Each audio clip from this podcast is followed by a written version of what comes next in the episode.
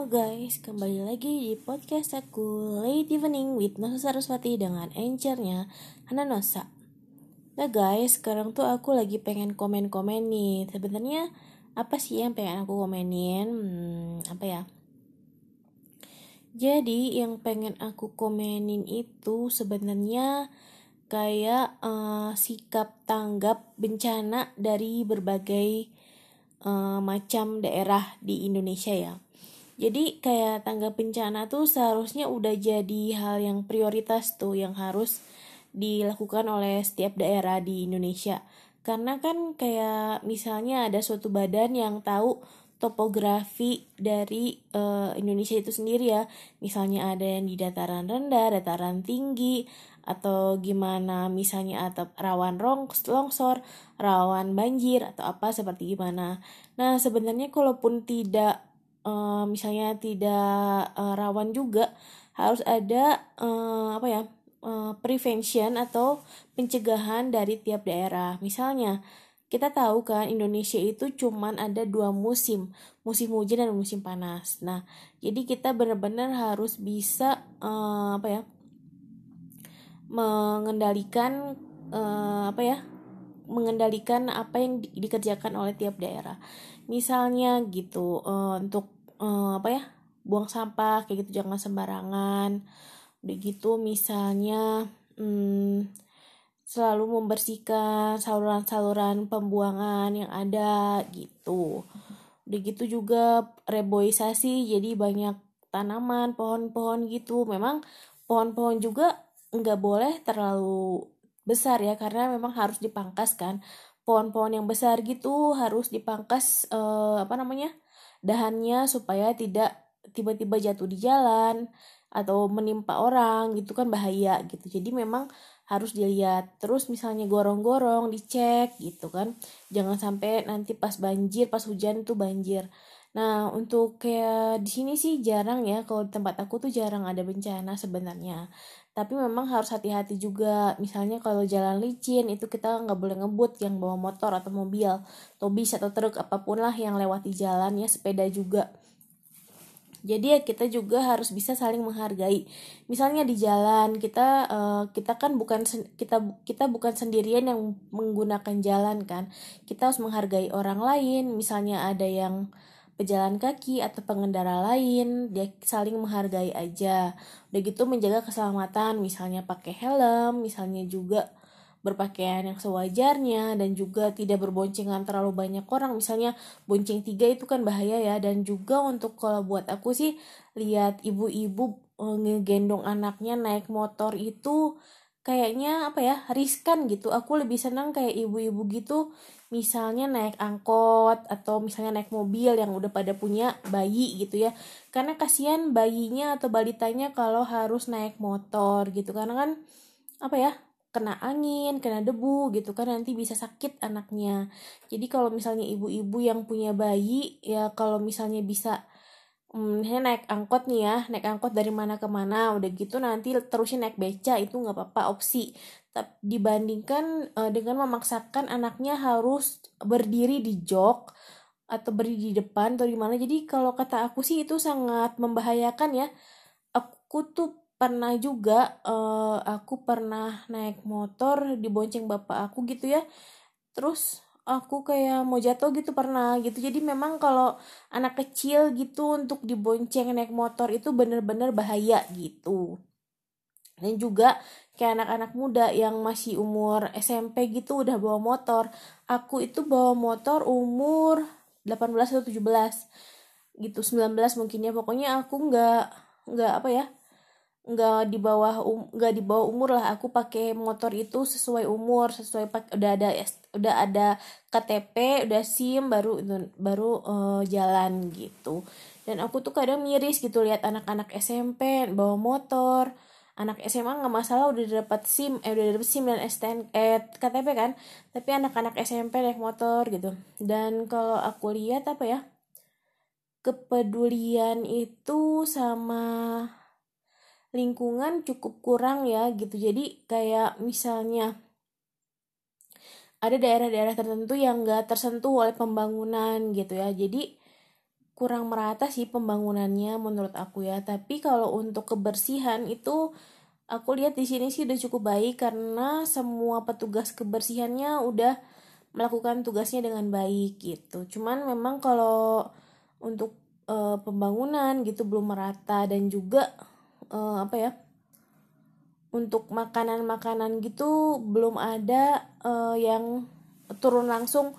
Misalnya untuk memberi uh, apa ya sosialisasi kepada para pedagang supaya mereka dagangnya dengan uh, bersih dan juga halal dan tidak menggunakan bahan-bahan yang uh, akhirnya nanti uh, apa ya me memperburuk kondisi uh, masyarakat gitu dan aku juga sih belum nggak pernah untuk lihat-lihat ke sekolahan. Jadi aku tuh nggak pernah sidak karena siapa aku sih gitu. Aku nggak nggak berwenang untuk sidak ke sekolahan. Jadi aku tuh bener-bener nggak tahu gimana kegiatan apa yang dilakukan anak-anak sekolah gitu. Dan kalau kayak aku gitu ya misalnya aku tuh uh, sebenarnya kurang begitu setuju sama program sekolah SMK atau sekolah menengah kejuruan gitu karena uh, yang dibutuhkan oleh uh, pekerjaan di masa sekarang itu yang pertama memang uh, apa namanya ilmu pengetahuan umum itu harus ada ya ilmu pengetahuan umum. Jadi uh, IPA atau IPS itu memang di, masih diperlukan. Jadi kalau kejuruan itu kan dia nggak belajar lagi ilmu dasar ya. Tapi kalau sekolah SMA gitu kan dia belajar uh, ilmunya ada IPA-nya ada IPS-nya uh, uh, apa lengkap gitu ya. Aku tuh kurang setuju sama yang ke kejuruan karena mungkin nanti mereka terlalu fokus sama yang dipelajari gitu. Sedangkan pelajaran-pelajaran yang harusnya mereka pelajarin itu mereka nggak dapat gitu.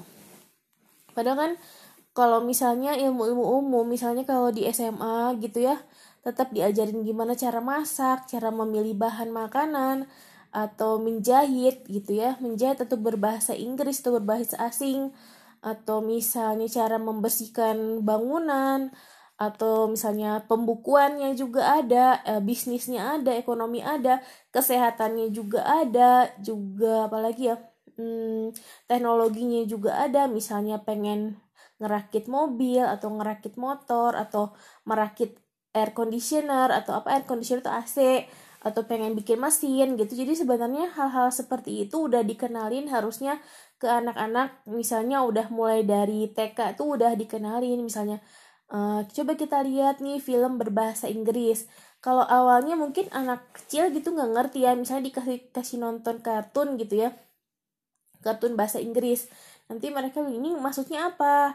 Nanti kita jelasin ini maksudnya gini gini gini gini dan kalau dari kecil udah diajarin misalnya hal-hal seperti itu, mereka makin ke sini makin gampang menerima pelajaran gitu. Misalnya dari kecil, ayo kita uh, belanja ke pasar untuk bikin misalnya scramble egg gitu ya nanti si anaknya nah untuk cara cara memilih memilih telur yang baik itu di mana memang kalau di pasar kita nggak tahu ya telurnya itu fresh atau enggak. Tapi biasanya kan kalau kayak aku gitu beli telur itu di supermarket. Nah kalau ibu aku kurang tahu di mana. Tapi kadang sih ada aja sih dapat telur busuk gitu ya. Nah makanya kita harus pandai-pandai caranya gimana masak gitu. Memang kalau untuk anak kecil mungkin diajarinya dengan gambar-gambar. Jadi dikasih tahu misalnya nah ini gambar apa? Scramble egg. Ini gambar apa? Spaghetti. Ini gambar apa? Pizza gitu. Nanti dikasih tahu oh pizza itu apa? Kayak gimana? Jadi anak-anak itu diperkenalkan dengan uh, apa ya visualnya dulu gitu. Visualnya kayak nonton film kartun. Nah ini kartun ini tuh tentang ini loh. Misalnya SpongeBob gitu ya. Ini SpongeBob itu temannya si Patrick ada Tuan Crab ada juga si siapa sih? Tentakel tuh si Squidward gitu ya ada Miss, Mrs. Puff gitu ya. Dan apa uh, pokoknya cerita Sandy juga. Nah pokoknya gimana caranya dari kecil itu diajarin hal-hal yang bikin mereka tertarik untuk belajar. Misalnya memang bagus sih misalnya diperkenalkan ini gambar apa? Apple lemon avocado gitu ya. Misalnya turnip atau apa dan segala macamnya. Jadi memang dari kecil anak itu harus udah dididik untuk dia belajar hal-hal yang baru, yang bagus gitu. Kalau misalnya dari kecil udah diajarin main lato-lato terus, nanti mau jadi apa gedenya? Karena lato-lato kan memang permainannya cuman gitu doang kan gitu. Tapi kalau diajarin hal-hal yang menarik misalnya kita nyanyi pakai bahasa Inggris misalnya twinkle twinkle little star how I wonder where you were nah itu jadi kita uh, merangsang kreativitas anak supaya uh, mereka uh, pengen nyanyi pengen tahu apa isi ceritanya dan juga meng mengelola pikiran mereka gitu. Jadi kalau anak disibukkan dengan berbagai macam aktivitas yang membuat uh, sensor motoriknya gitu uh, visualnya dan sensor-sensor mereka itu bergerak mereka akan lebih uh, senang lagi. Misalnya diajar diajar main karet atau diajar main sesuatu hal yang apa ya me merangsang motoriknya itu mereka akan lebih senang lagi. Atau kita kita uh, dengerin cerita misalnya cerita misalnya Putri Salju gitu kan uh, memang mas uh, perceritanya biasa kan Putri Salju kayak gimana. Tapi kan di situ nanti belajar kalau si Putri Salju itu misalnya meskipun dia nggak salah tapi dijahatin sama orang sampai berulang kali dijahatin juga tapi akhirnya dia selamat gitu kan. Jadi anak tuh belajar oh ternyata hidup di dunia ini ada cerita seperti itu loh gitu. Dan kalaupun itu hal yang nyata ternyata hidup di dunia itu susah susah juga ya.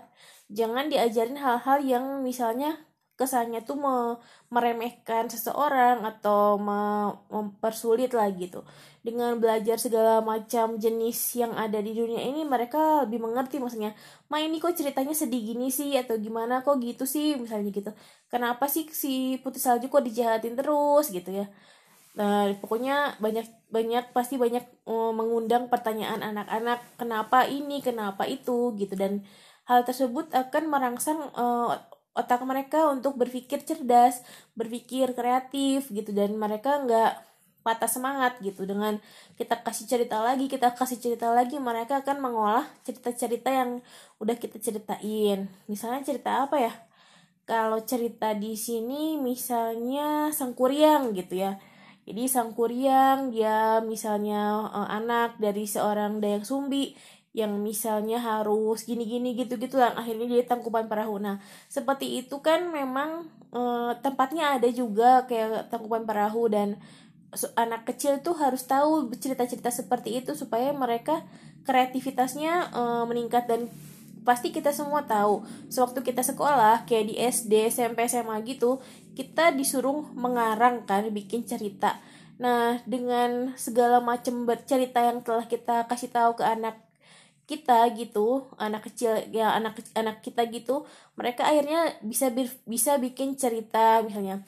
Pertama misalnya cerita cerita ceritanya akan mulai uh, baik baik dan kita kan nggak tahu siapa tahu nanti besarnya anak anak bapak atau anak ibu itu menjadi produser film. Misalnya kalau misalnya dia pengen jadi produser film di Amerika Amerika memang sekarang jadi pusatnya. Tapi kalau suatu saat ternyata Indonesia lah yang jadi pusat perfilman. Kenapa enggak jadi produser di Indonesia dengan cerita-cerita yang dia buat gitu? Kita nggak bisa meremehkan kekuatan cerita dan kekuatan anak kita yang telah kita kasih berbagai macam masukan gitu. Jadi memang pelajaran itu perlu lah gitu.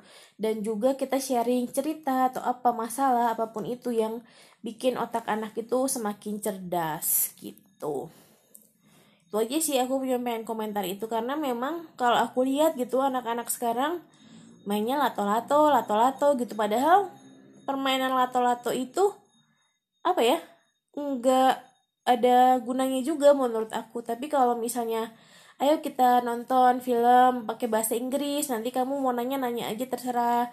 Tapi bahasanya juga yang gampang misalnya yang mudah dimengerti. Nyanyi bahasa Inggris misalnya apa lagi ya uh, Are you sleeping? Are you sleeping, brother John? Brother John, morning bell, morning bells are ringing, morning bells are ringing, ding dong ding, ding dong ding. Are you sleeping? Are you sleeping, brother John? Brother John, morning bells are ringing, morning bells are ringing, ding dong ding, ding dong ding. Jadi itu tuh lagunya menceritakan itu kan pakai bahasa, bahasa Inggris kan, menceritakan jadi si kakak kakak kakaknya namanya uh, John kita uh, nanya kamu tidur nggak uh, kak? Gitu. Ini alarmnya udah alarm pagi-paginya udah nyala loh. Gitu. Maksudnya ngebangunin kan sebenarnya gitu loh. Jadi berbagai macam lagu atau apa misalnya Old MacDonald have a farm, iya iya. Misalnya lagu apa pun itulah, lagu-lagu anak kecil yang bikin mereka senang. Atau yang baby shark. Baby shark du du du du du, du baby shark du du. Nah, itu pokoknya bikin apa ya? Bikin semua indera mereka tuh uh, terpacu untuk melakukan nyanyian atau meniru atau seperti apa. Ya gitu aja.